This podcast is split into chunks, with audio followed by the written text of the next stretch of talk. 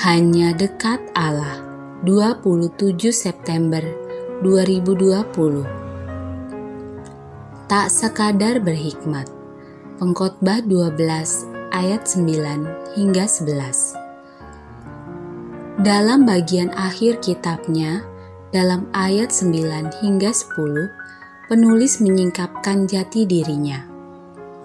Selain pengkhotbah berhikmat ia mengajarkan juga kepada umat itu pengetahuan. Ia menimbang, menguji, dan menyusun banyak amsal.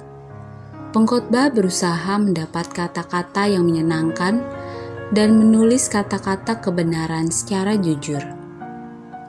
Menarik disimak, sang pemikir tak sekadar berhikmat, namun berupaya untuk mengajarkannya. Tampaknya, dia merupakan tipe orang yang menyadari bahwa setiap orang yang berhikmat wajib menularkan hikmat itu kepada orang lain. Dengan kata lain, orang berhikmat tak boleh hidup hanya untuk dirinya sendiri, agar semakin banyak jumlah orang berhikmat.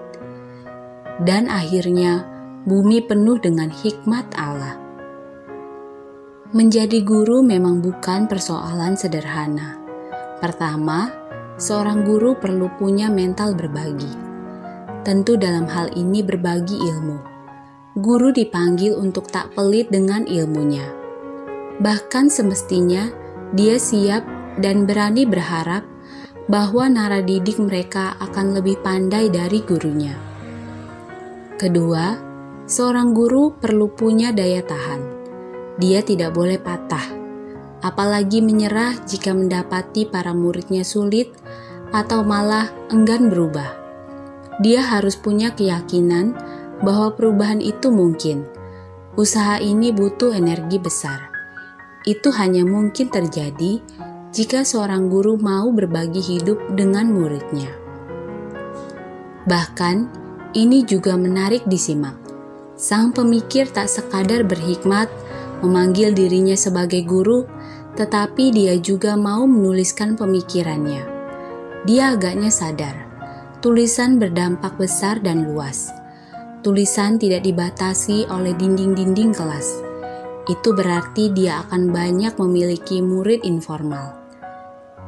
Dan dia menuliskan semuanya dengan jujur. Tak ada yang dipermanis. Perkataannya seperti tongkat gembala atau paku dia tidak merasa perlu menjadi populer, namun ingin memberikan yang baik kepada setiap pembacanya. Mengapa?